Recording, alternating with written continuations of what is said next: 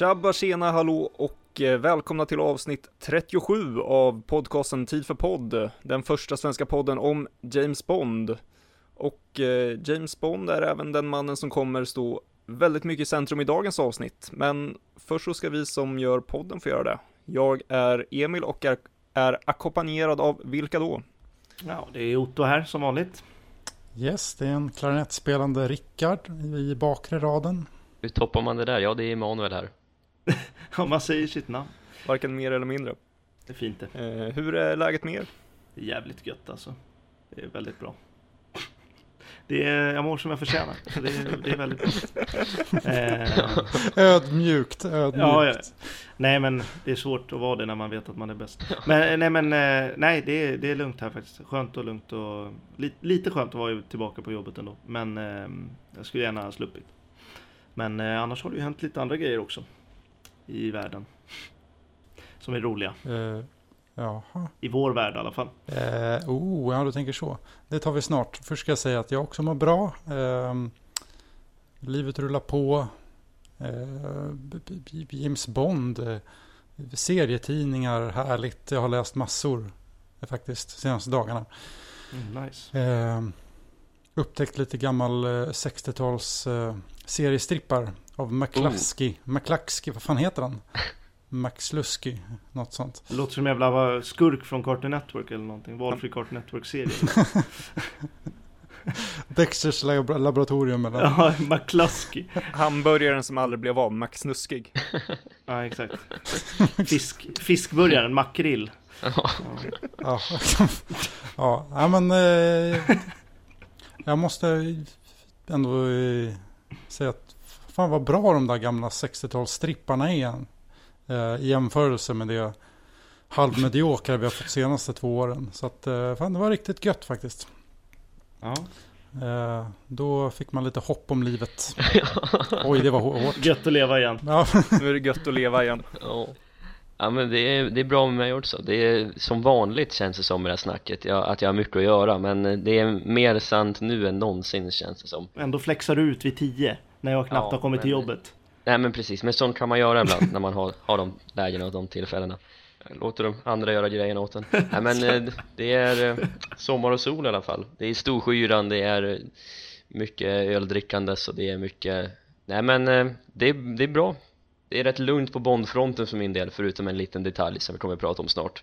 Det känns som att du sa väldigt mycket men ingenting.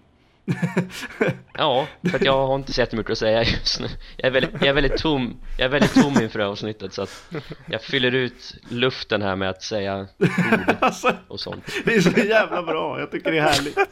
Åh, du, är, du borde bli politiker Emanuel. Säga mycket men ingenting. Åh, Ja, precis eh, ja, nej men det är väl bra med mig med. Har eh, flexat tillbaka hem, har jag Mm. gjort. Varit ute och farit lite. Så det är skönt att vara hemma igen, sitta hemifrån och podda, till skillnad från eh, senast. Så det är gött. Eh, Men den lilla detaljen som jag har hänt i Bondvärlden är att vi har fått lite officiella nyheter om nästa Bondfilm. Eh, För er som inte följer oss på sociala medier eller har läst, eh, läst det någon annanstans så kan jag väl dra det lite kort. Och det är att eh, nästa Bondfilm kommer komma i november 2019. Och den kommer skrivas av eh, Purvis Wade.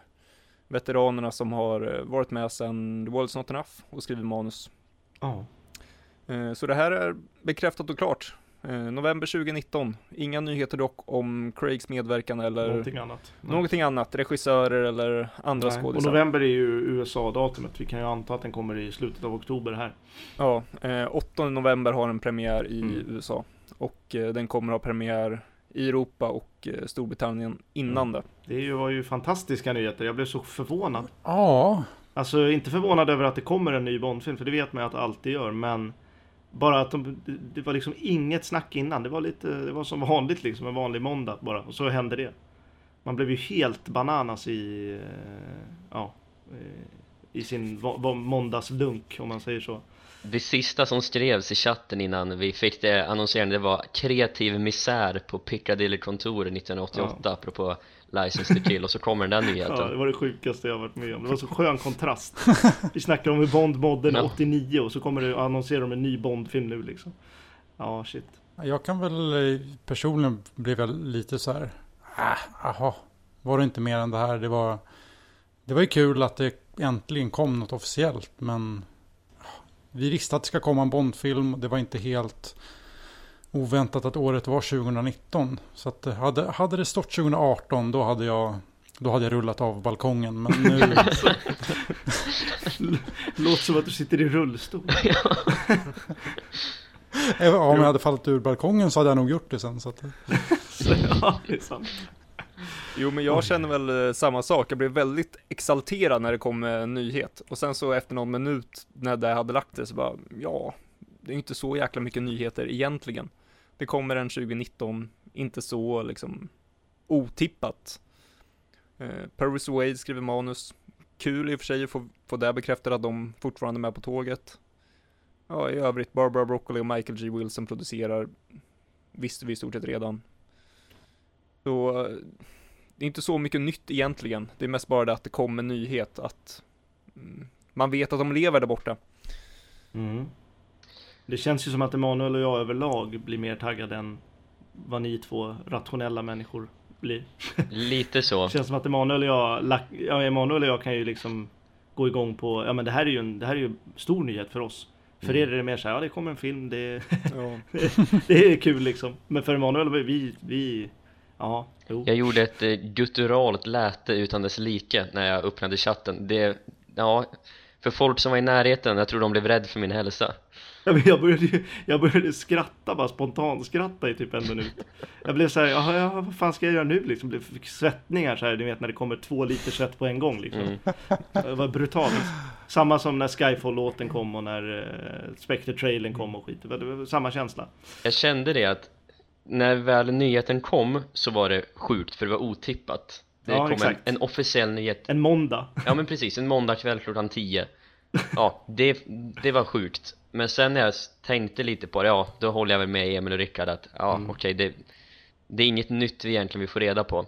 Det som är Nej. intressant dock det är tid, eller tillfället de valde att släppa nyheten.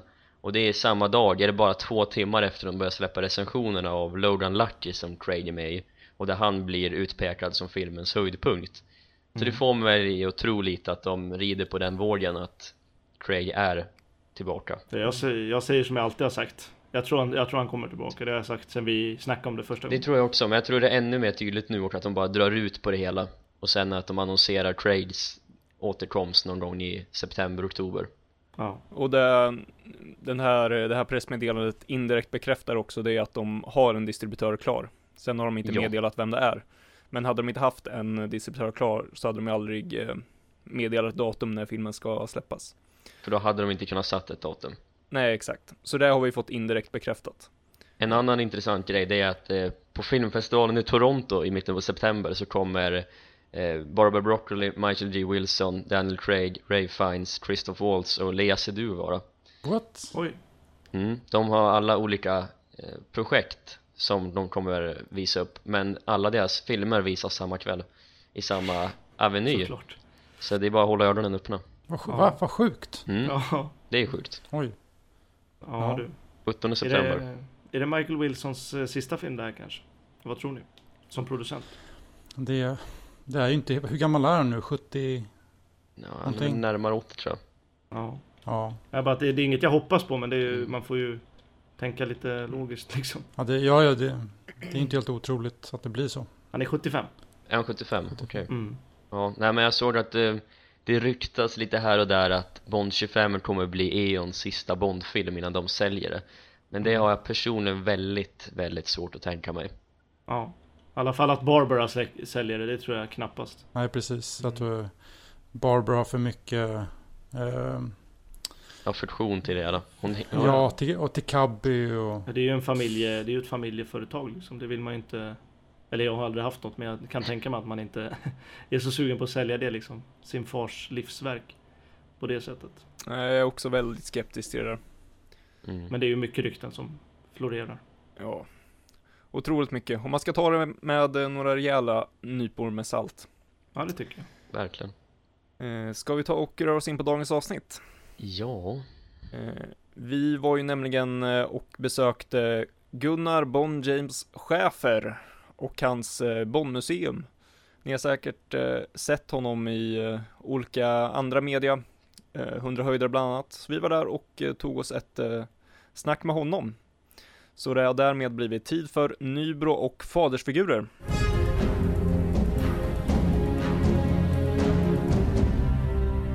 Och eh, innan vi eh, spelar intervjun, vad, eh, vad, ni för, vad fick ni för intryck av eh, mötet med Gunnar och kanske tankar om, om mötet och resan i allmänhet?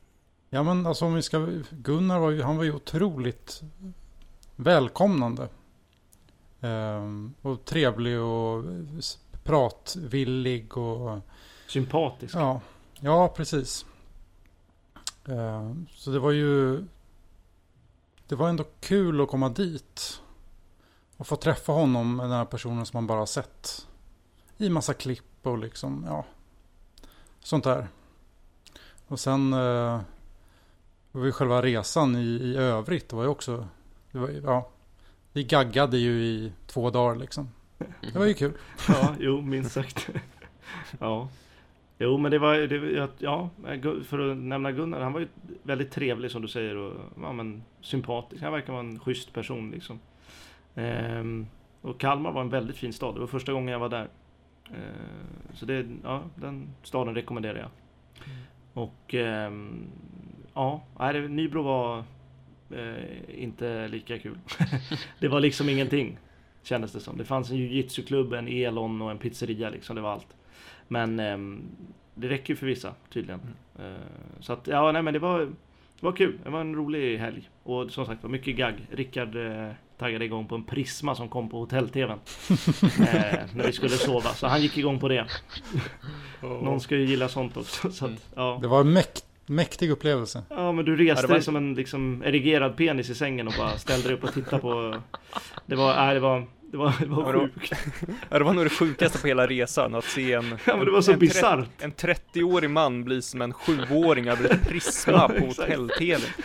Du låg ju nästan och sjukt. sov Emil också, du hade ju nästan somnat liksom Ja, Och Rickard sitter och gaggar om ett prisma halv två på Exakt. natten liksom exakt. Jag, sitter, jag sitter och halvsover och sen hör man bara Rickard skrika Prisma! Jävlar! Ja exakt Jävlar! Alltså, Ja, det är- Då vaknar man igen. Till mitt försvar var det väldigt, väldigt fint. Väldigt fint prisma, ovanligt prisma som kom väldigt eh, left side. Jag var väldigt oförberedd. Åh shit Ja det var så, det var så bisarrt bara, det var stundens konstighet som tog mig på sängen alltså Bokstavligt talat Samtidigt som vi visste att eh, Emanuel och Anton var vilsna i Kalmartrakten. Ja exakt, någonstans i Kalmar var de Ni var lite orolig samtidigt. Ja Ja. verkligen Och det ösregnade mm. Ja, Mm. Nu fick ni en väderrapport också, varsågod ja. Romblitz rapport. Ja exakt Superlive Ja ja Men för att leda det tillbaka till eh, Gunnar, precis som ni, mitt första intryck var ju att han är extremt trevlig. Och eh, man har ju bara sett alla de här eh, klippen från eh, 100 höjder och diverse intervjuer i alla möjliga sammanhang och han framställs ju i media som en väldigt udda person får man väl säga. Men han var extremt trevlig, jag får väl ändå säga att han, även om han kanske framställs som lite udda och konstig så har han ju, han har ju ett genuint, eh, en genuint god avsikt med hela museet och allt han gör. Måste jag säga. Ja, Ja, ja men eh, jag hade som inga förväntningar på förhand överhuvudtaget. Jag visste inte vad, liksom, hur museet skulle vara eller hur han skulle vara utöver det lilla man har sett liksom om han. Eh, Så att jag blev väl överraskad på ett positivt sätt om man ändå får säga så. Han är ju en väldigt, som ni säger, trevlig och sympatisk person men också väldigt välmenande. Och bara det faktum att han har öppnat ett museum och driver det helt självständigt är ju värt mycket cred må jag ändå säga han brinner för och jag tycker alltid det är kul att se människor brinna för någonting speci speciellt oavsett vad det är så um, ja men det var en, ett roligt besök och en trevlig person att träffa verkligen ehm, ska vi gå in på intervjun då? Jajebots Och det var Otto och Emanuel som skötte den och jag och Rickard eh, eh, smög bakom kulisserna och eh, lyssnade. Så, tillsammans med Lotander, icke att förglömma just det, tillsammans med eh, Lotander som, eh, som var med på resan, givetvis. mm. Så eh, lyssna på intervjun och sen så kommer vi tillbaka med våra intryck av intervjun och eh, museet.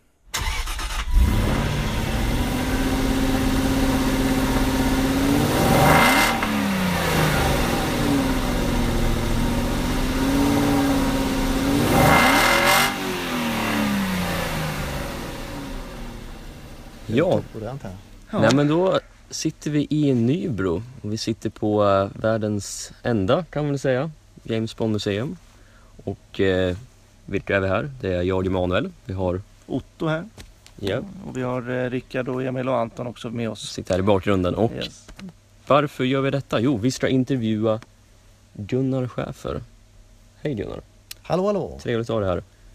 Får inte glömma att jag har ju bytt Du heter ju också James Bond. James Bond. Det får vi inte glömma, en Nej. viktig detalj vi inte får glömma. Om vi säger så här, när jag ansökte om det här till Skatteverket 2007 var det här. Mm. Så la jag till namnet Bond före James. För jag ville ha liksom efternamnet först, du vet. När man Ja, presenterar sig ja. så säger man My name is Bond, James Bond. Mm. Och sen tänkte jag på den tiden också att hade jag skrivit James Bond då kanske de inte hade godkänt det va. Men hon kanske på Skatteverket fattar liksom inte Mm. att Bond och James liksom för kanske inte hör ihop på det sammanhanget som jag tänkte då. Men eh, ringde upp en kvinna och berättade för att ja nu får du inte byta namn fler gånger sa hon. ehm, Jaha, så du menar att jag fått eh, godkänt namnet då? Ja, det har du. Hej då, så. så hon var lite så här disträv, lite, lite sur precis som att jag fått det godkänt. Och, det, och ironiska i det hela sammanhanget att 2007 det är ju 007 också. Mm.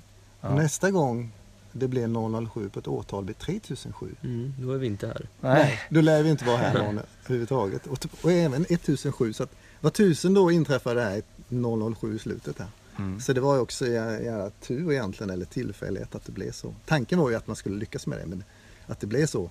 Och det, vi kommer ihåg det var på 100 höjdargalan i, Sto- i Stockholm på Filip och Fredrik. Mm. Så presenterade Filip och Fredrik där också där, där, där fick byta, byta namn och fick det godkänt till, till James, eller Bond, James Ja. Bond då. Så det är också en liten eh, extra kul grej att kunna Mm. ta med sig i hela det här konceptet som man har skapat här i Nybro. Ja. Ja, verkligen.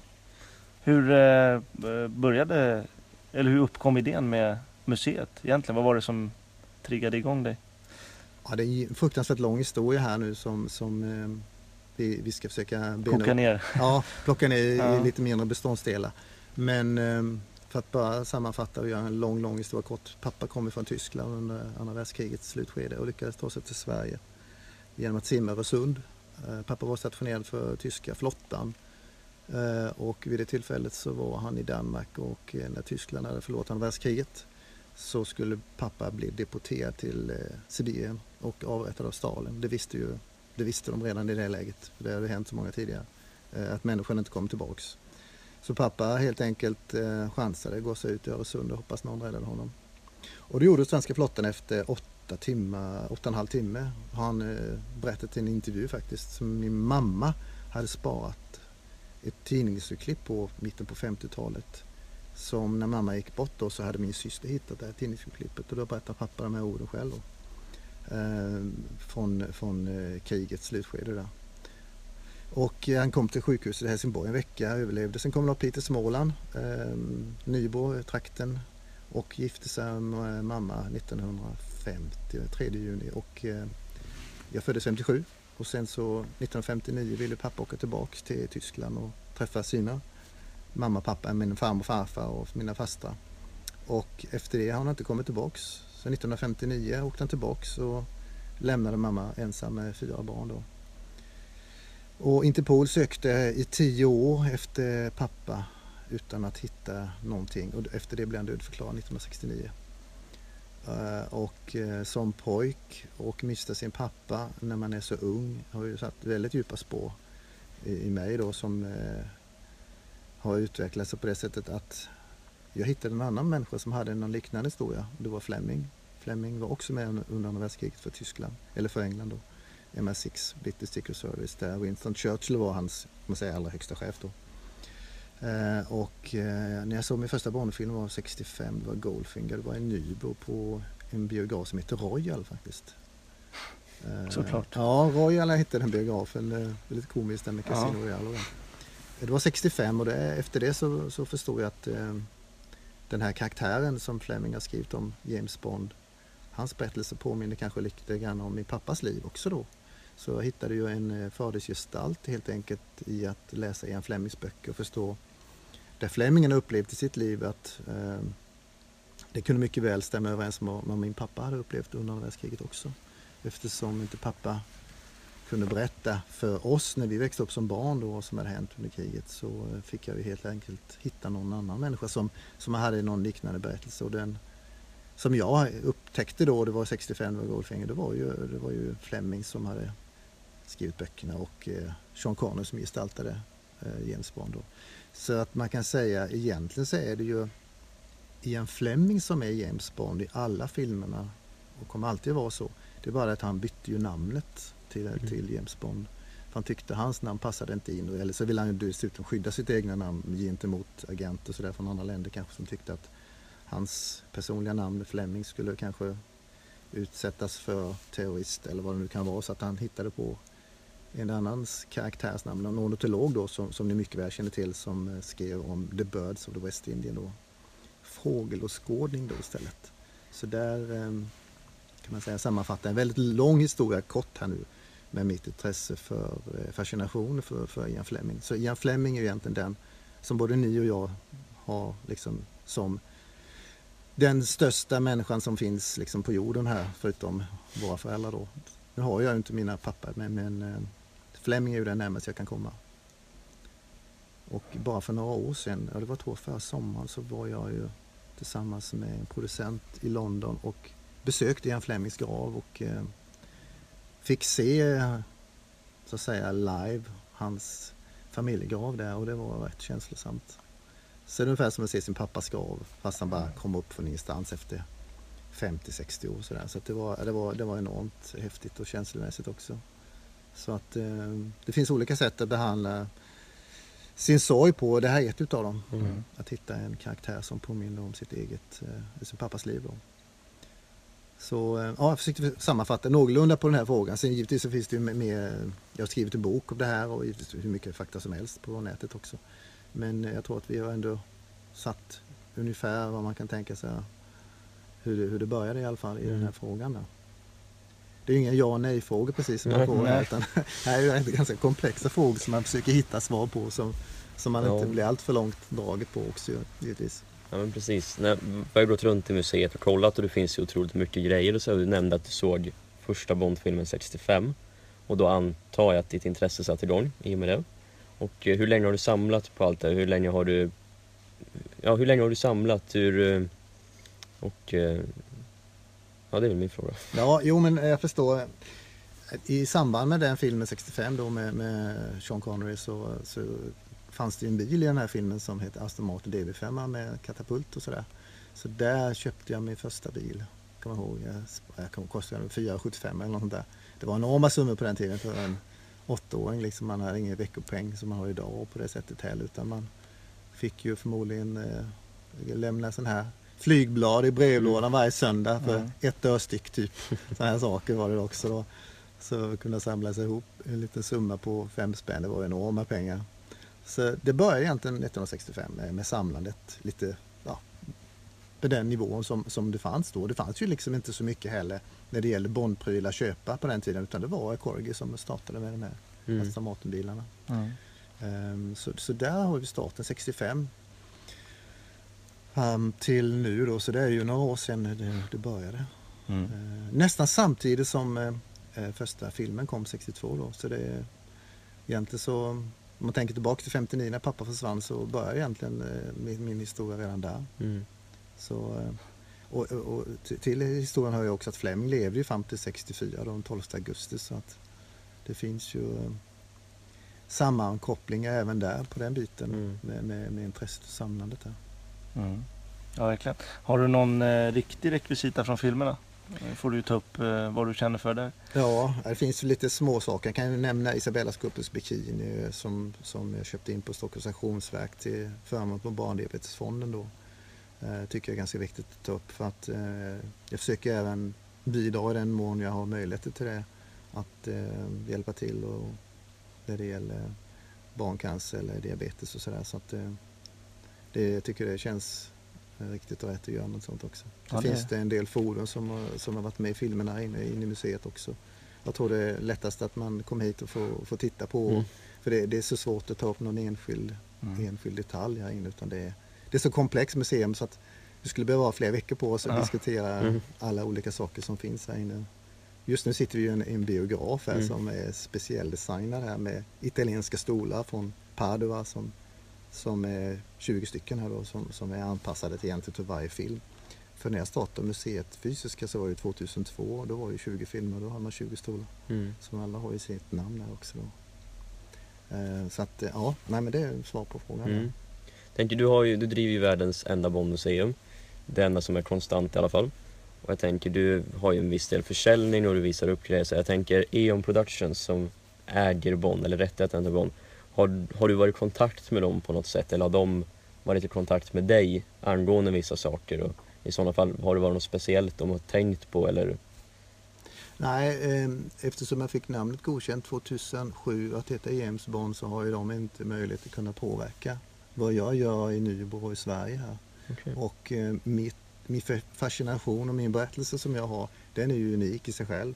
Det finns ju, jag, jag kopplar ju samman mitt liv med Ian Flemings liv och alltså så berör jag ju inte så säga, f- eh, filmbolagets eh, profit. De har ju som, som att tjäna pengar på att Mm. sälja filmer egentligen. Det är det de gör. Sen anställer de olika skådespelare som utför de här olika rollerna i filmerna. Eh, Min eh, är ju mycket djupare än det. Va? Det Mm. handlar ju om, om Fleming och andra världskriget. Och där som, som eh, har ju inte filmbolaget så att säga, samma påverkan givetvis inom det.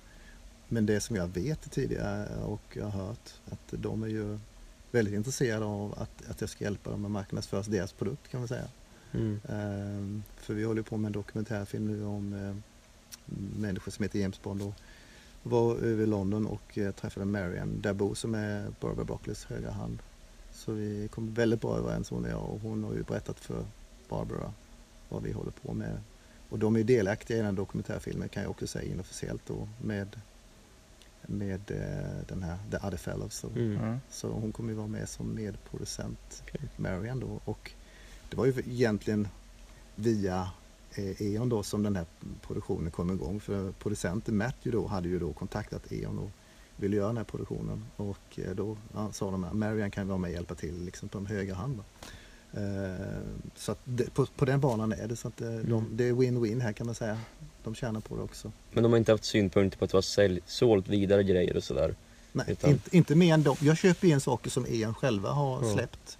Exempelvis posters eller Mm. korgbilar eller kläder som Mm. de har för sina shoppar eller, eller från sitt eget Mm. eh, prylar då. Så det är, därför, det är därför jag köper in mina saker helt och Mm. hållet. Jag trycker inte egna exempelvis tröjor där det står James Bond eh, eller något sånt där i utan om jag skulle trycka tröja det skulle i så fall bli James Bond-museet Nybro som det skulle stå Mm. exempelvis på. Och jag har heller kanske inte samma behov att trycka egna saker för att jag tycker att ska jag sälja några produkter så vill jag att det ska vara E.ON som är den som jag har tryckt dem och tillverkat dem och har rättigheterna Mm. givetvis. Mm. Att jag köper in dem och säljer dem här det är ju, det är ju, tack, det är ju deras egna produkter och de har ju nytta av det själv också i och med Mm. att deras namn står på sakerna som säljs då. Mm. Och jag jobbar ju också med olika de här företagen som säljer de här Bond-produkterna. Mm. Pyramid exempel som gör alla posters och Corgi som är officiella Bond eh, bilstillverkare med Corgi-bilar sådär. Så jag har ju direktkontakt med dem. Så. Okej. och det är ju via olika kedjor. Bollinger, Champagnehuset, Omega har jag kontakt med liksom, både Frankrike och i, Sverige och Schweiz. Och så där. Så jag har ju byggt upp det här kontaktnätet under, under många, många års tid här nu. Mm. Mm. Har du något eh, favoritobjekt i museet sådär på rak arm? Ja, det, det har jag väl. Gondolen från Venedig är ju faktiskt den är ju unik i sig själv. För det, den eh, tog tio år för mig att få tag i en gondol. Inte den som var med i filmen nu utan en, likadan. Eh, fast en nyare version då. Mm. Som är lite längre och lite maffigare kan man säga. Lite häftigare sådär. Mm. Så den är ju unik för det. Jag vet inte om det finns någon utanför Venedig. För att när det gäller Venedig så är ju påven en stor invik- inverkan på vad de får inte göra det när det gäller gondolerna. De har 400 gondolärer idag i Venedig. Varken mer eller mindre och det är via familjer. och de så säga, som har de här får ju absolut inte sälja dem till andra länder för att då skulle det innebära att de kan börja tillverka gondoler exempelvis i Kina och sälja till hela, hela, världen. Och liksom, Mm. Här kan du köpa en gondol. Liksom. Så tror alla att det är från Venedig men det är från Kina. Mm. Så att det har ju varit väldigt mycket, jag får skriva på avtal och papper och rättigheterna med att, att skulle det vara så att det missbrukas kan de hämta tillbaks den och använda sig i fel sammanhang. Nu har de ju vetat att vi har funnits i över tio års tid med museet här, James Bond-museet, så de såg ju kopplingen här att de kan tänka sig under de förutsättningarna att sköts på rätt sätt, att man har den här, visa upp den. Mm. Så eh, den och sen givetvis flygplan, Cessna-flygplan som landade här för något tag sedan. Som står i museet som är 11 meter också. Så det, jag tror bara komma i närheten av ett plan eh, det får man ju normalt sett. Man går ju oftast på, ombord på ett plan och sen sitter man tills man landar så går man därifrån. Men här har man möjlighet att kunna se och hur det ser ut med lite på närmare håll också. Det är också ganska unikt att kunna komma hit och se. Annars hänger oftast kanske de i taken eller man försöker gömma undan så att ingen kan gå in. Eller spärra av områdena. Här är det snarare för att här får alla titta och känna och kolla. Liksom, på Mm. Mm. Ehm, Där har vi de här två stora, lite större pjäserna givetvis som är lite unika. Och så får vi inte glömma Aston Martin också. Som eh, vi har suttit nu och kört lite, eller brummat lite kan man säga i alla fall också. Så, ja, alltså kommer det givetvis nya grejer hela tiden så att eh, Mm. det uppdateras efterhand. Mm. Vad tror du om framtiden då? Du sa att det kommer grejer till exempel. Vad tror du om museets framtid? Vad har ni för planer? Oj, just nu så håller jag på med eh, Museet är cirka 1000 kvadratmeter stort. Vi har olika temarum med eh, spelenheter som Nintendo, GameCube, Playstation, Roulette, Blackjack. Man kan spela schack, man kan gravera glas, man kan se på eh, film i biografen. Vi har även frågesport på datorn här så vi kan ha femkamp här inne med soft tävling och lite sånt också. Så vi har kanske tio olika aktiviteter man kan göra fysiskt här. Plus att det finns tv-apparater som är anknutna till olika, olika saker som händer i filmerna och de sakerna som finns i museet också med filmklipp därifrån. Eh, Men det innebär inte att jag stannar utan eh, utvecklingen går vidare och eh, just nu så inhägnar hela området, ungefär nästan 8000 kvadratmeter. Tanken är att, att fylla ut planen här med olika produkter från olika filmer i framtiden. Det kan vara en stridsvagn kanske, det kan vara en hovercraft, det kan vara helikoptrar. Alltså det, det, det liksom finns bara en framtid här. Mm. Jag ser framåt hela tiden och utveckla idén och skapa kanske en nyare eh, design på eh, exteriören utvändigt och hur man kan bygga ut det här Mm. ytterligare. För nu har jag byggt invändigt eh, och försöker få det så häftigt ut invändigt. Så nästa steg blir utvändigt nu då som utvecklingen går vidare i då. Mm. Du anordnade ju ett eh, premiärevent för Strifefall nu här, när den hade premiär för fem år sedan. Har du planer på att göra någonting liknande framöver? Kanske inte behöver ha just med premiär att göra utan bara rent allmänt med event, evenemang och sånt där. Ja, det jag brukar jag göra några. Varje gång det är premiär så får jag förfrågningar från olika håll i Sverige och även i att och ha vissa utställningar utomlands. Ehm, så att ehm, i Prag bland annat och i Tjeckien där nere och så när man spelar in Casino Royale också. Så att det- det dyker upp hela tiden förfrågningar. Ehm, så det är bara frågan när vi gjorde väl sista nu, jag måste varit i Hultsfred, vi gjorde någonting med, med eh, Spectra tror jag. Och sen är det lite eh, olika event på olika avdelningar. Så jag har varit i Stockholm på Berns på en guldmässa som jag gjort tidigare då. Det kanske ni har sett. Eh, där de hade en förgylld guld, eh, Porsche i, i guld då som de hade kommit på hur man skulle kunna göra en sån här. Det också passar ju bra med guldtema med Goldfinger, Goldeneye, man gyllene pistol och så vidare. Så de har ju liksom hittat, om det passar i, i konceptet tycker jag, Bondkonceptet, då kan jag vara med på någonting och göra någonting som, som kan vara lite annorlunda. Problemet är annars med tiden och framförallt med logistiken med prylar man ska forsla fram och tillbaks. Mm. För ska man göra ett event som i Blomstermåla som gjorde med 2-250 pers eller vad det var, så är det ju man ska forsla grejer dit så ska man tillbaks med, med igen och det tar en vecka ungefär att göra ett sånt projekt och då, då, menar, då kostar det mycket pengar och det, oftast är det problem med pengar. Folk vill ju liksom Mm. ofta ha event men det är ingen som vill betala för det. Så att ska man göra någonting så ska det vara någon som eh, har pengar och, och liksom vill satsa. Och det finns det ju va. Det gäller bara liksom att hitta de, Mm. de personerna eller det företaget. Eh, som Ericsson exempelvis, Sony Ericsson som vi nämner nu, de har ju satsat enorma pengar på marknadsföring med mobiltelefoner tidigare i alla fall. Ehm, och de har ju Sånt event kan man ju säga så att skulle de komma in i bilden eller något större och sådär, då finns det ju pengar i, i deras företag att jobba med. Så det är själv- självklart, kommer något, något större så, så kommer det hända, hända någonting. Jag pratade med Joe Labero bland annat. Han har ju haft jättemycket idéer sedan många år tillbaka i tiden. Bara som en kul grej. Att vi skulle hyra e- ett ehm, eh, lyxfartyg och han skulle trolla och jag skulle ha utställning med Bond. Alltså bara en sån här idé. Alltså, liksom, då får ju de som kommer dit liksom allt på en gång då. Mm. Och Bond och trolleri, det är, Labero har ju lite bland med sina han sitter som Blowfell som en katt där och klappar en katt där exempelvis med stolen som vänder. Så han har gjort lite temat på det också. Så att det finns idéer va? men det gäller liksom att kunna göra någonting. Framförallt handlar det om att kunna tjäna pengar på det. Det, det är där problemet liksom ligger när det, gäller, när det gäller James Bond.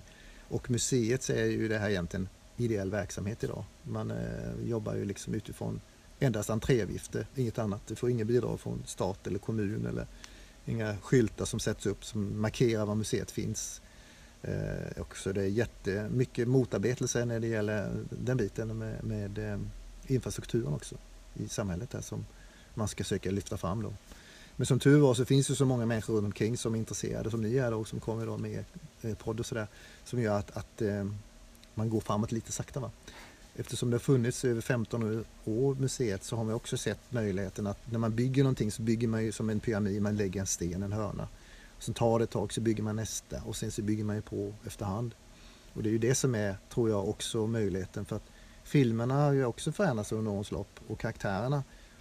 Och samtidigt så tror jag man måste också vara öppen för att förnya sig också i museet så att man liksom hänger med i nutiden också. Mm. Man ska givetvis bevara det gamla men även kunna se fram vad som kan hända i framtiden. Så det är många olika aspekter på det hela. Så att man hela tiden uppdaterar sig för att eh, det händer ju hela tiden saker i världen. Problemet tror jag idag när man ska göra en ny Bondfilm det är att hitta var ska man lägga ner energin på? Vilken ska vara elaka skurken? Vem ska vara den snälla och så vidare. Eh, med tanke på väst och öst som var för enklare. Va? Mm. Berlinmuren föll 89. Nu är det IS och IS vågar man inte gå på tror jag för då skulle man ju säkert få massa saker som händer efter, efter det. Så det, är liksom, det är lite svårt. Jag tänkte så här, möjligtvis den här coins, eh, som bitcoins som de har, valuta i världen. Möjligt att man skulle kunna göra ett tema på det inför nästa Bondfilm eller sånt där. För det är lite, det är, det är, inte så farligt att göra någonting med det. För det är inte någon som direkt drabbar det personligen så. Så det är lite svårt att hitta på nytt tror jag för de här filmproducenterna Barbara och Michael nu då. Att göra någonting som, som vi som är Bond-intresserade till 100% hela tiden ska kunna känna att det här är verkligen genuint och äkta. Va? Um, så att um, ja, de har en utmaning helt klart. Vi har, jag tycker man har ju sett under årens lopp hur filmen utvecklas med olika karaktärer och sen så känner man det här känns bra. Sen så kommer nästa, ah, men det var mindre bra. Sen kommer nästa, det var okej. Okay. det är som en berg och hela tiden. Mm. Liksom, det, det, finns ingen liksom jämn, jämnhet i det hela. Och eh, Det kanske är möjligt att de bygger relationerna så till sina fans och sina intresserade och en eh, publik så att de liksom skapar, nu, nu gör vi skitdålig film för att nästa film ska bli jättebra. Va? Liksom, det handlar ju också om att tjäna pengar mm. och de tjänar ju pengar idag oavsett egentligen vad de gör. Så att det, är, ja, det, det, är en komplex fråga med, med utveckling och framtiden och, och den här biten. Men eh, vi, vi jobbar ju, eller jag kan säga, jag gör ju detta själv. Jag säger vi hela tiden. Men är one man, one job som man sa. Det, det är Flemings motto, det är ert också antar jag. Eh, så att ja, vi får se, men det går framåt. Mm. Mm. Vi, är ju definitivt en del av Bond-communityt i Sverige och du också. Mm. Hur ser du på Bond-communityt i stort och hur anser du din roll vara i den? Har du någon kontakt med folket i Bond-communityn? Um, ja, jag kan inte påstå eftersom jag har jobbat utifrån mitt eget, uh, mina egna tankar, mina egna idéer och framförallt så har jag försökt gå min egen väg. Så jag har inte um, tänkt på hur andra människor har gjort i världen, exempelvis filmbolaget eller de gamla skådespelarna eller mm, om vi säger gamla bondarna som, som har funnits eller böckerna som är skrivna utan jag har ut, utifrån mina egna erfarenheter och mitt liv och min pappas liv och Flemings liv. har försökt skapa någonting som är, som är unikt då. Eh, så att ehm, när ni startade med er podd här, Community för något år sedan, eh, ett och ett halvt kanske, så tyckte jag det var jättekul för att ni är ju ändå någon del av Sverige, framförallt av Bondvärlden som försöker göra någonting för flera människor än sig själva. Mm. Så att man inte, som man inte framstår sig själv som att jag kan allt, jag är bäst, jag är störst, jag är bäst, jag är vackrast och sen alla andra kan dra åt helvete. Ungefär, va?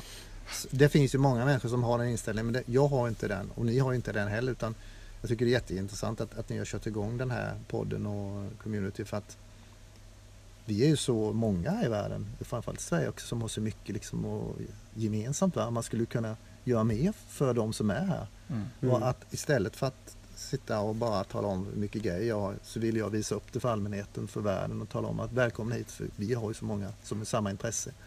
Och, och eh, vi har ju både Google och vi har ju Tripadvisor och det finns massa olika. Det, är ju, det, här, det ser man ju vad folk tycker och tänker va.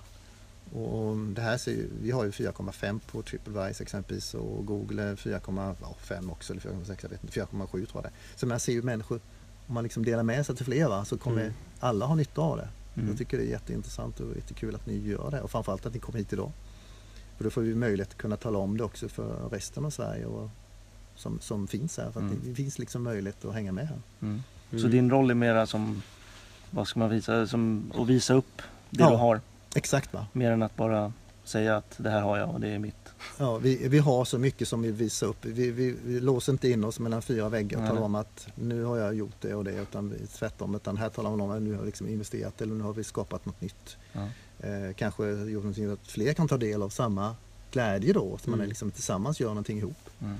Och mm, givetvis för framtiden så kan man ju hoppas att man kan göra något tillsammans, exempelvis med något event eller någonting sånt eh, i Sverige för de som har något. Alla är ju intresserade på olika sätt och gör, gör någonting mer för, det, för allmänheten också givetvis som är lite annorlunda. Framförallt kan man göra det i Nybo här. Vi kan också vara i Stockholm och er eller vad man nu kan göra på olika radio och tv-stationer.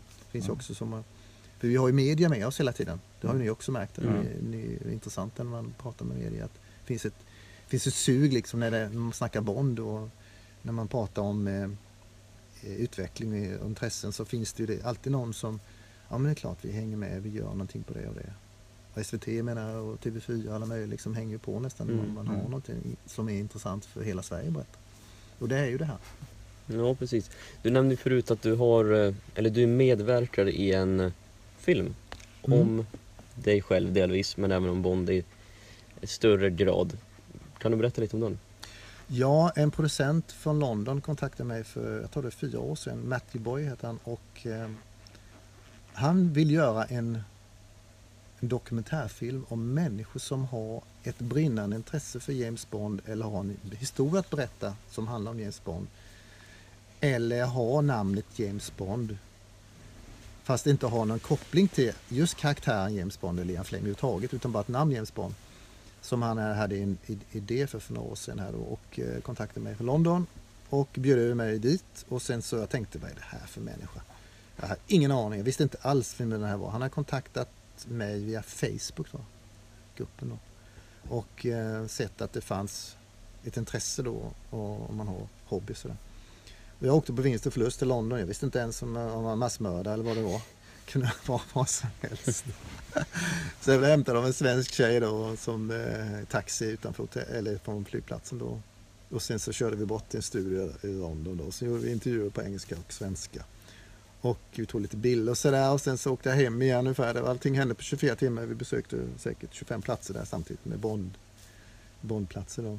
Sen tog det väl ett halvår, någonting där. Sen hörde han av sig. Ja men vi har kommit fram till att vi har valt ut dig, att du, din historia är intressant för att berätta. Och då var ju Marian Dabu som är Barbara Broccoli's höga hand var ju med här och hade liksom konstaterat att det här verkar funka. Eh, och sen så ehm, var jag på besök igen och då fick jag träffa de här skådespelarna igen. Och sen så var vi i London Filmmuseum och var där och gjorde en del grejer där. Och sen så har det utvecklat sig mer och mer då. Så att eh, producenten har då konstaterat att min historia har ju stor betydelse för dokumentärfilm i sig själv eftersom det handlar om att man tar sig från eh, Danmark till Sverige och sen vidare upp hit och försöka hitta den här röda tråden då. Så att eh, producenten har också givetvis ett brinnande intresse för James Bond och han är dessutom australiensare. Han är ju född i Australien där George Lazenby som vi kommer ifrån och de har ju också träffats och inte så långt från varandra bor de ju, eller bodde, eller bor. Och eh, The Other Fellows heter den här dokumentärfilmen och ni känner ju till vad det betyder. Mm. Mm. I Hennes Majestäts hemliga tjänst blev han ju blåst där på bruden. This didn't happen to the other fellows. Så att det finns liksom en koppling där mellan eh, med Lazenby och eh, producenten och London och filmbolaget och sen till mig då här i Nybro då, med James Bond-namnet då. Mm. Eh, Så att den här prem, premiär på den här dokumentärfilmen och jag tror vi ska vara mellan sex och sju personer totalt i dokumentären och eh, Ehm, ja, de andra har ju olika roller i, i den här dokumentärfilmen. Jag vet inte hur mycket, hur lång filmen är, vilka olika situationer som kommer hända utan det här klipps ihop och det bedöms och de sitter och kollar på det här med olika människor. Eh, jag vet bara att någon skådespelare ska spela mig som barn. Så han har anlitat eh, en eh, audition då för mindre barn som är typ åtta år. Som ska prata in någonting då och sen så ska han välja ut någon som ska vara med när jag var liten då.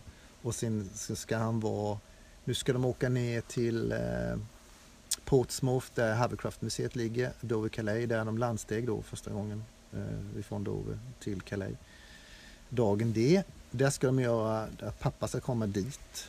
Eh, det, ska, det ska se ut som det vore från Danmark till Sverige då, så de gör liksom scener där. Och då är det en skådespelare som är ganska känd som ska vara med där, jag vet inte.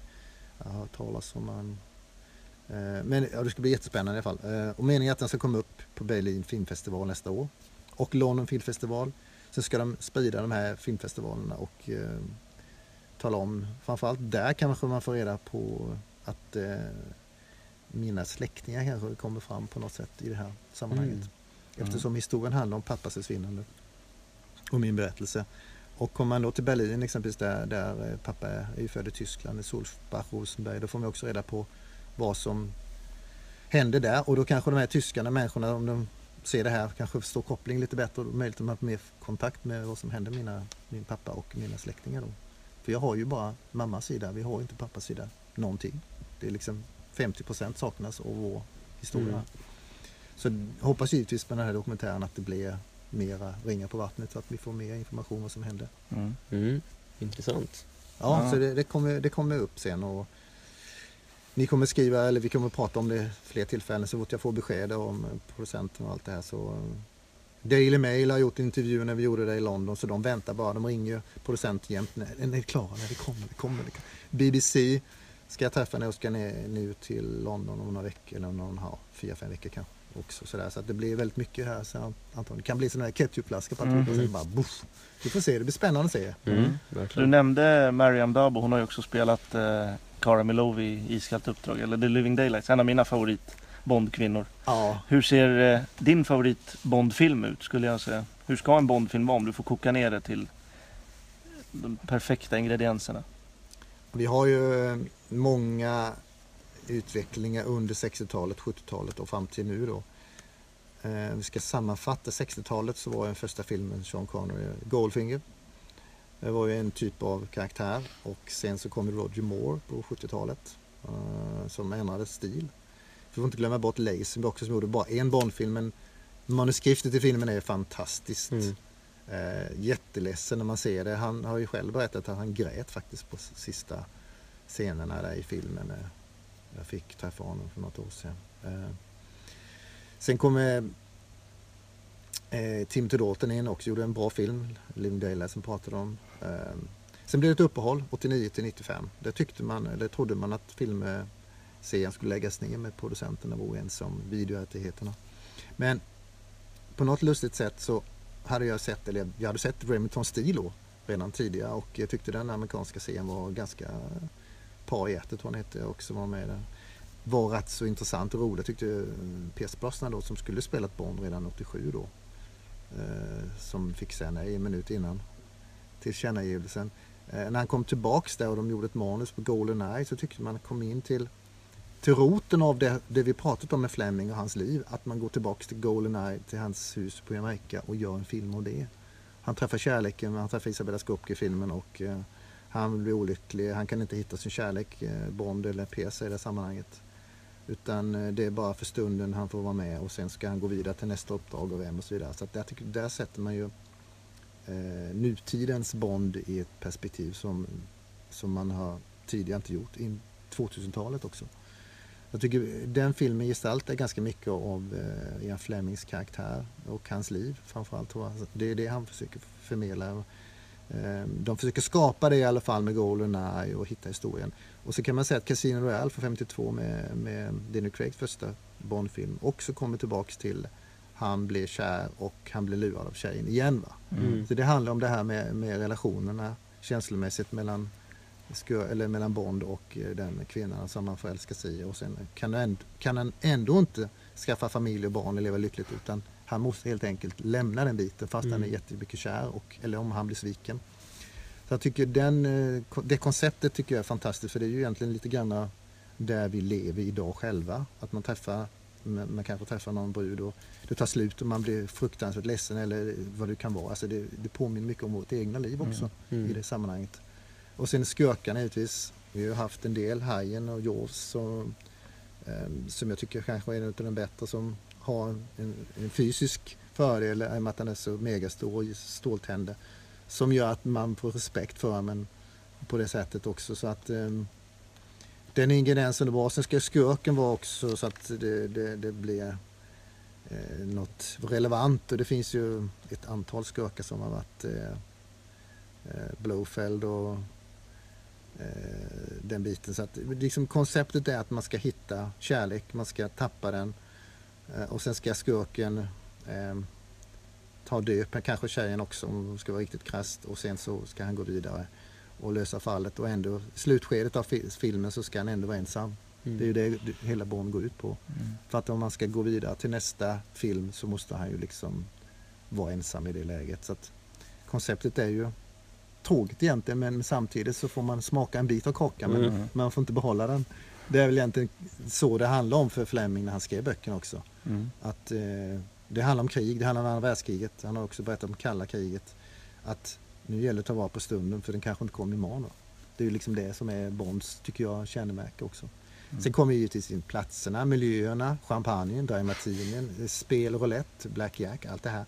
Också innan man så att säga, träffar skurken, eller om man träffar skurken, och bruden i samband med det också. Så finns många olika ingredienser som gör Bond helt komplett. Och framförallt tror jag också det är viktigt att man inte har för mycket våld i, utan lagom dos utav det hela. Eh, annars blir det för mycket actionfilm och det vill vi inte ha. Vi vill ha karaktärsfilm där det är starka skådespelare som gör bra roll mot varandra.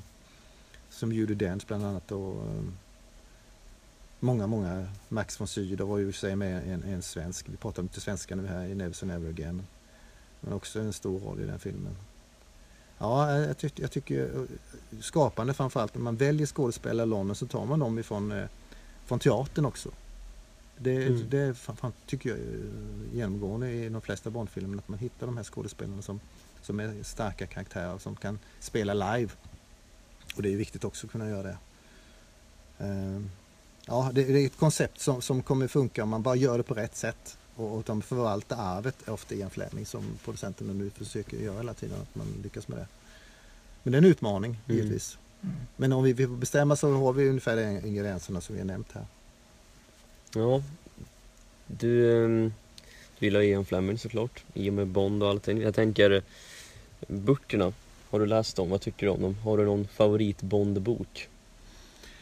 Ja, eh, jag tycker böckerna är lite råare än filmerna givetvis. Lite mer pang på lite mer action och lite mer vulgära faktiskt. Man tänker på när Ursula Andros kom upp ur havet i Dr. No, då var hon naken. Mm. Med, med en kniv på sidan istället för Mm. filmen då med bikini. Som jag kan tänka mig på 60-talet när, eller 50-talet när killarna läste det här. Satt hemma i pojkrummet och så bara så lika som, alltså det blev liksom en chock. Det var nästan skandal på den tiden.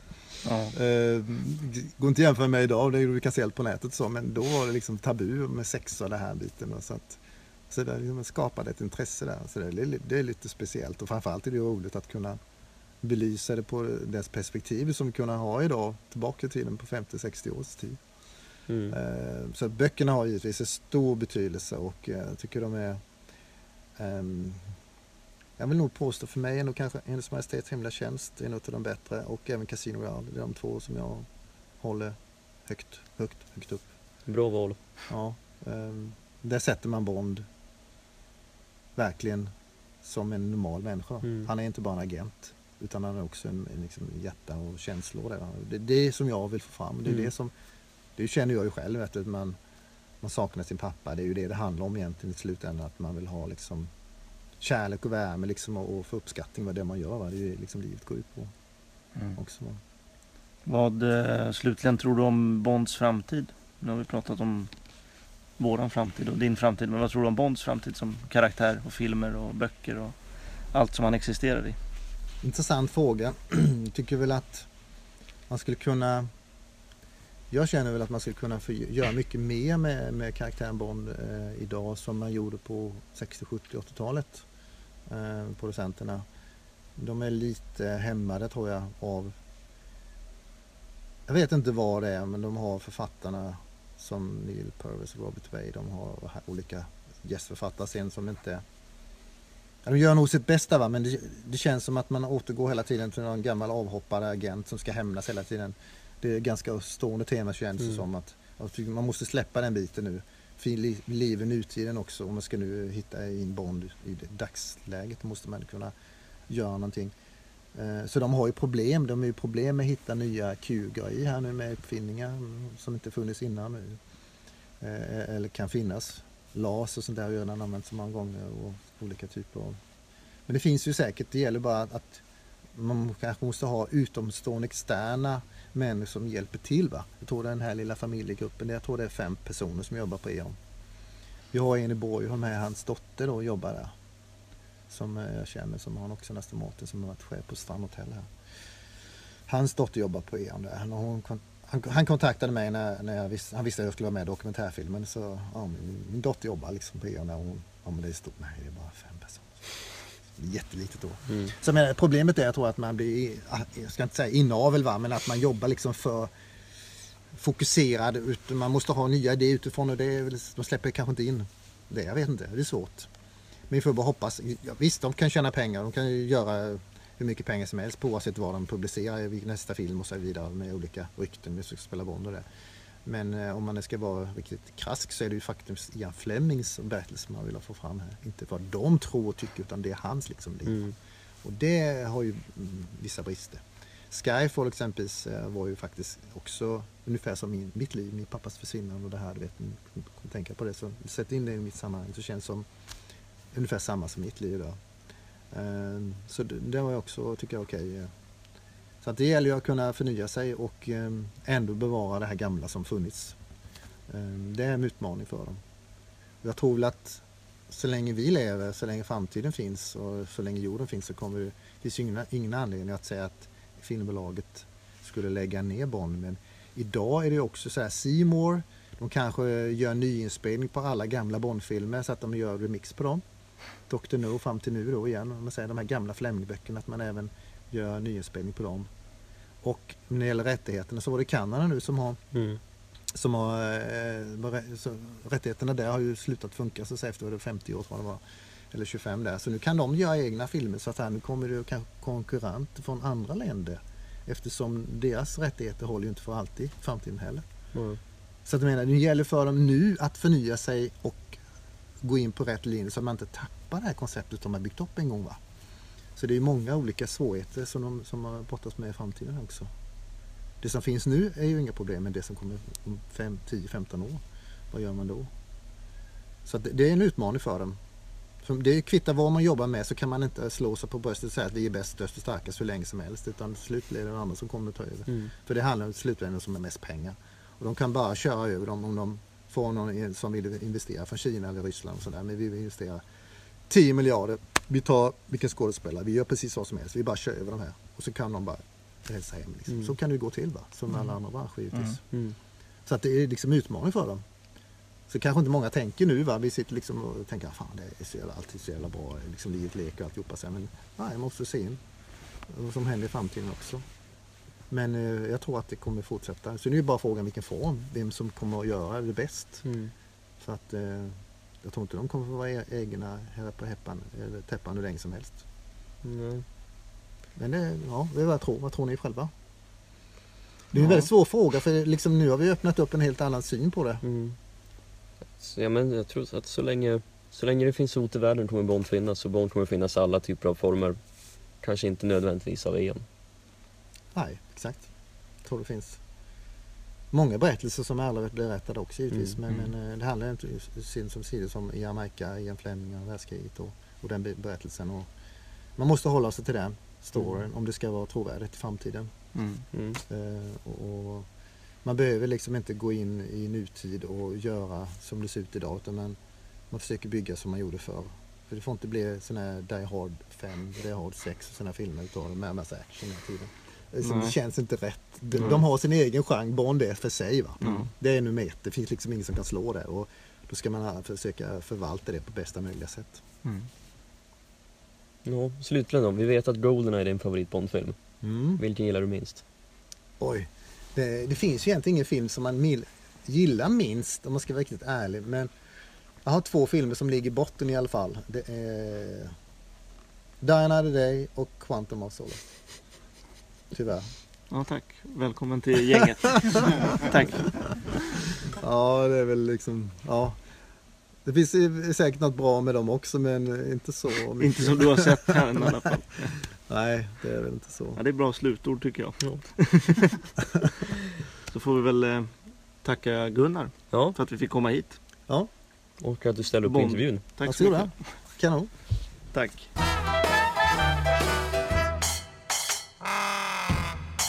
Ja, vad, eh, vad säger vi om intervjun? Ja, nej men eh, det är som, som jag nämnde i början innan intervjun, det är alltid intressant att lyssna på någon som pratar om något de genuint brinner för. Och det är ju ingen tvivel om den saken att Gunnar brinner för Bond men även för den, kanske ännu mer för den personliga anknytningen han har till Bond. Och det tycker jag är väldigt intressant att höra att han, han kanske inte ser sig själv som Bond men han ser någon typ av ideal i att vara Bond eller att ha den livsstilen och det är väl på något sätt alla på något sätt vill sträva efter att vara lite som Bond. Sen eh, tycker jag att intervjun också på något sätt gav en viss insikt i honom som person som vi inte heller kanske har fått sett i tidigare inslag eller så i media. Han var, jag tyckte han var väldigt öppen och ärlig mot oss vilket jag definitivt vill ge honom cred för. För det, det kräver väl ändå en del att man som vuxen person ska kunna öppna sig om saker som har varit jobbiga för en när man var yngre. Och framförallt för honom där det är en specifik händelse som har lämnat sina spår.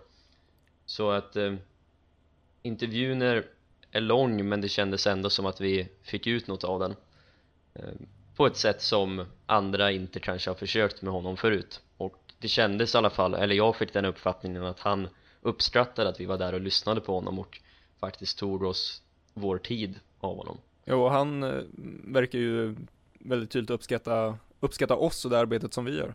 Att, Mm. att eh, han kan se den här kny, eh, knytningen till oss att vi bägge vi två gör någonting aktivt för communityt så att säga. Men eh, annars det som, eh, det som jag slogs av, det var väl hela att eh, jag har väl alltid kanske sett honom mer som, vad ska man säga, mannen som älskar Bond har ett Bondmuseum i, i Nybro. Men nu blev det ju ännu tydligare att, att det verkligen är kanske Ian Fleming och hans liv och hans livshistoria som står i centrum och sen så kommer Bond med på det. Inte för att liksom förringa hans Bondintresse på det här sättet, men att det verkligen är fascinationen för, för Fleming och den mannen som, som driver honom och hans intresse. Och det, det var väl kanske en insikt som jag inte hade innan, får jag väl säga. Ja, och det är den bilden som, som jag har fått tidigare om, om Gunnar att han att han har lite bristfälliga kunskaper om Bond. Jag vet inte riktigt var jag fått den bilden från men det, det visade han ju att så, så är det ju inte riktigt. Han, eh, det var ju mycket han pratade om som visar att han faktiskt har kunskaper. Så att eh, det var också en myt som man kan slå bort. Ja, jo men så var det ju verkligen. Det kändes ju som att, eh, som du sa Emanuel, även fast den var lång så fick man ju ut ganska mycket. Kanske just för att vi är Bondin, Bondintresserade och eh, de som intervjuar honom brukar ju oftast inte vara det. Jag har inte hört någon Bondintresserad intervjuat honom i alla fall. nej Och då får man ju en liten annan infallsvinkel i intervjun i sig och än om Filip och Fredrik är där och bara ska skoja liksom. Det är ju en sak. Men det är ju så, det är ju lättare att prata om sitt intresse med någon som själv är intresserad. Ja. Det blir ju givande Nej. liksom. För jag vet själv hur bara ska prata Bond med någon kollega. Jag, jag tycker det är knepigt för att De går De- direkt. Nej, men, fast det är mest för att jag är så otrevlig. ja, ja, det också men. Nej men det är svårt att liksom, vilken nivå ska man lägga det på när man vet att den andra inte förstår hälften av det man vill prata om. Liksom. Eh, så att, ja det kändes som att eh, Gunnar tyckte det var väldigt kul att vi var där. mm. Och det var ju jag, hade in, jag kanske inte hade förväntat att, jag, att vi skulle bli så välkomnande. Nej. Eh, Så det var faktiskt kul. Ja, att vi tog honom på allvar tror jag, det, det att han uppskattade det men också det att jag har väl fått intrycket mycket på grund av hur media har valt att vinkla honom att han kanske inte har varit genuin i sitt intresse och genuin i, han, i hur han framställer sig själv och sådär men det kändes ändå som att han var en alltså att han vet väldigt tydligt vem han själv är och att han är genuin för att hans intresse är ju självklart det och eh, ja men det var någonting väldigt öppet med han som jag inte hade fått intrycket av förut och det var väl kanske den största överraskningen om man får säga så Men eh, om vi ska prata lite om hans, eh, hans museum då. Eh, vad, eh, vad tycker vi om det som är, Eh, ja men Bond-fans får väl säga. Jag, jag kan väl personligen tycka, om jag ska försöka vara lite ärlig, att det är lite missad potential. Han har så otroligt mycket grejer. Alltså det där museet är ju fullproppat. Eh, men det tyvärr blir lite sådär att det är lite rörigt och lite... Han, han har en väldigt, väldigt god idé med olika sektioner eller olika rum, eller vad man ska kalla det för, som ska ha något sorts tema. Um, vilket, I något rum var det ett roulettbord i, eh, något rum är det en bar i, eh, som då ska liksom påminna om Bondvärlden på något sätt. Eh, och ett Ian Fleming-rum med liksom ett skrivbord och en ehm, skrivmaskin och sådär. Eh, och den idén tycker jag personligen är väldigt bra. Men den kanske inte riktigt kapitaliserades på rätt sätt. Eh, för att mycket av prylarna som var i de olika rummen kopplade inte riktigt till den idén. Eh, så att även om det var väldigt mycket prylar som var roliga att se. Så lite mer struktur hade jag personligen velat se för en, för en bättre upplevelse. Faktiskt. Du var väldigt granskande får jag säga. Kul. Mm. Mm. Nej men det som, det som, eh, om, om man säger så här, om Gunnar som person eh, överraskade mig väldigt mycket på väldigt många olika sätt. Så har museet lite mer som jag, som jag hade tänkt mig innan att, att det är väldigt mycket eh, olika former av merchandise-grejer och sen är det eh, kanske inte så mycket rekvisita och sådana grejer. Men jag tycker att av det som han, som han är öppen med att han eh, ursäkta, att det som han är öppen med att han vill göra, eh, vilket är att, att eh, han vill att personer som kanske inte är lika intresserade eller kanske barn och ungdomar, att de ska kunna ta del av den här världen och få eh, få insikt i den och kanske väcka ett intresse så tycker jag att då gör det inte mig så jäkla mycket. Eh, så jag tycker att museet i sig med de sakerna som finns är bra för att kunna få folk intresserade men det kanske inte riktar sig kanske till mig som är extremt eh, Bond-intresserad. Eh, då blir det lite mera begränsat på föremål som verkligen jag gick igång på. Ja, men om man ser museet som bara en plats där Gunnar visar upp sin personliga samling av saker som han har samlat på sig genom liksom massor av år eh, av Bondintresse så blir det en helt annan, annan sak. Då är det helt plötsligt fantastiskt coolt för att alltså det är så mycket prylar så att det går liksom inte att titta på allting. Ehm, Ja, exakt. Som, och det, är väl det som, det, det är ju inte ett regelrätt museum på det sättet. Mm. Ja exakt, tar man det sig an som en, som en Bondsamling så är det skitcoolt. Tar man sig det an som ett museum så blir det kanske inte lika coolt om man är ett Bond-fan. Nej, precis. Jag håller väl håller med om inte mycket det ni säger. Eh, Att det kunde göras mer konkret, kanske framför allt. Och att... Eh, in, ja, nu är jag lite hård när jag säger man kanske inte ska marknadsföras just som ett museum då det inte riktigt är det. Men jag gillar baktanken bakom museet. Att det är att han vill, han vill öppna upp för andra att folk ska gilla Bond och att han faktiskt försöker göra någonting i bara en, en stad som Nybro liksom som ligger i princip mitt ut ingenstans avlägset från typ allt och där har han ett Bondmuseum som han driver helhjärtat ideellt och i princip på heltid. Och det måste man ändå berömma honom för att han faktiskt försöker och att han gör någonting aktivt för dels Bond-communityn men även för sig själv och för yngre personer och äldre och sådär. Så det är, det är ändå en fin symbol hela det här museet. Även om innehållet inte gjorde mig superbegeistrad personligen.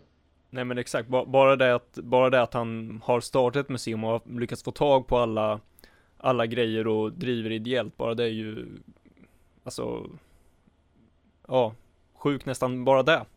Nej men han har ju en, eh, ja, en helig graal för oss alla. Som eh, han visade oss. Och det är ju första upplagan av Casino Real.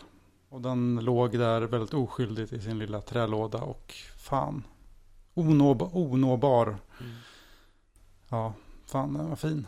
Ja, riktigt eh, häftigt att se måste jag säga. Eh, Den ligger ju inte öppet i museet för att förtydliga för er som lyssnar, men eh, eh, vi fick se den. Han tog, eh, plockade fram, plockade fram den för oss, så det var eh, jättesnällt av honom och coolt att se. Verkligen. Sen har han ju, eh, han har ju ett rum med eh, olika fordon. Och där i har han ett, en bil från Casino Real från 67.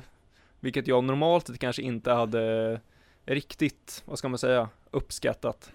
Men det är ju en, eh, en eh, Jaguar E-Type och den är så jävla snygg så jag förlåter honom för att han har med någonting från Casino Real 67. Ja, Den var producerad i, vadå, ett par hundra exemplar och han Ja, har en ja, av ja. dem Och det är ju en sjukt ikonisk bil Ja, den är, ja gud, fin. Ge mig. Så. Eh, Cessna-planet, inte lika speciellt för mig. Eh, personligen som har en pappa som själv äger ett flygplan och har varit i den flygvärlden så ser man ju Cessnor på löpande band. Ja, jag har flugit en Cessna själv också.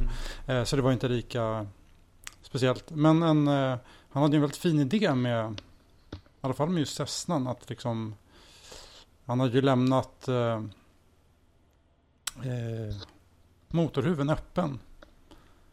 Som någon sorts, för att kunna visa hur också, hur de flygplan ser ut på nära håll och sådär. Mm.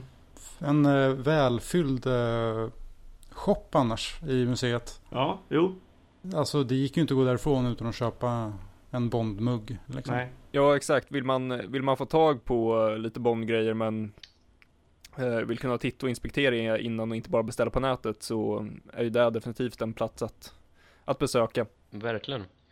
Han hade mycket intressant att köpa och saker som han liksom har sett men aldrig sett på riktigt.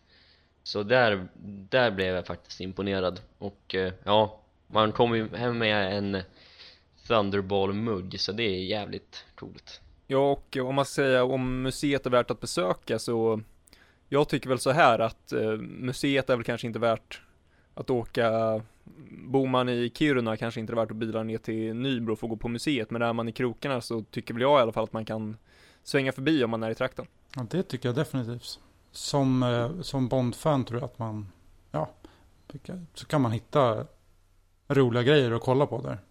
Och är man i trakten så är det bara att svänga förbi. Mm, vad var ert eh, favoritobjekt i museet? Ja, men han, han hade ju faktiskt eh, Isabella Scorupcus faktiska bikini från Goldeneye. Ja. Den vita eh, som han drog hem på någon auktion. Ja, exakt. Mm. Eh, mm. Det var faktiskt ganska coolt. Får jag ändå erkänna. Jag tror jag ska vara lite tråkig att säga eh, alla originalaffischer som han har hängande i sitt specifika, eller ett eget rum Det var rätt häftigt att se dem på riktigt Från Dr. No framåt Jag tycker inte alls att det är tråkigt, för jag hade tänkt säga exakt samma sak. Jag tyckte alla de där eh, original eh, affischerna som har suttit på diverse Mm. biografer runt om eh, var väldigt, eh, väldigt kul att se. Ja. Det var svårt alltså, Ja. fan. Jag, ja. Jag gillade ju Moonraker-affischen som satt i entrén. Som jag inte hade sett förut. Nej, jag var, också- den var också ny för mig. Den var väldigt häftig. Den, den var ju utformad på samma Ja, sätt. just Bond det. i rymden och massa tjejer runt honom. Men ehm, det var en... Ja, det var, det var, den var ny. Så den var väl den som fick mig att haja till mest liksom. Att jag inte hade sett den. Sen, Sen hade en jättekonstig en jävla reklambanner hade han ju för Heineken. Eh, från Die Another Day. Med John Cleese på. Eh, varför? Ja. Den var ju också helt Just det. off. Det var jag säga, varför skulle Ion eller Heineken använda John Cleese? Ja i och för sig John Cleese är ju ett namn men Ja, det kändes så udda. Han och öl, ja. ja varför inte? Eh, ska vi ta och runda av där? Ja, Do it. Då tycker jag att vi eh, tackar eh, Gunnar Schäfer för eh, hans medverkan i, eh, i podden och för intervjun och för hans gästvänlighet. ja. Tack så mycket Gunnar. Och eh, vi kan dra adressen igen om ni missade den intervjun. Det är alltså 007museum.com som ni ska besöka. Om ni vill ha mer info.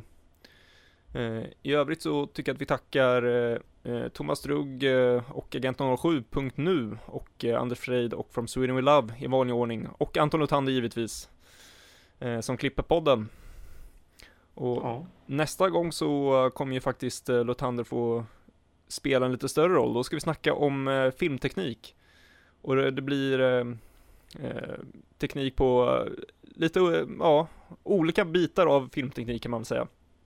Eh, ja, men hela spektrat. Hela spektrat av eh, Hela prismat. hela, hela prismat Rickard. av, eh, av att göra film kommer vi att diskutera. Så vi hörs igen då, så får ni ha det så bra så länge. Ja, killevippen på er och ta hand om varandra. Ta hand om sommaren. Ta vara på den för snart är den slut. Ta hand om saunan. Olja in till brädorna. Hålla in er väl. Ja, Fram med riset. Fram med dildon. Du kan inte hålla på och s- Åh.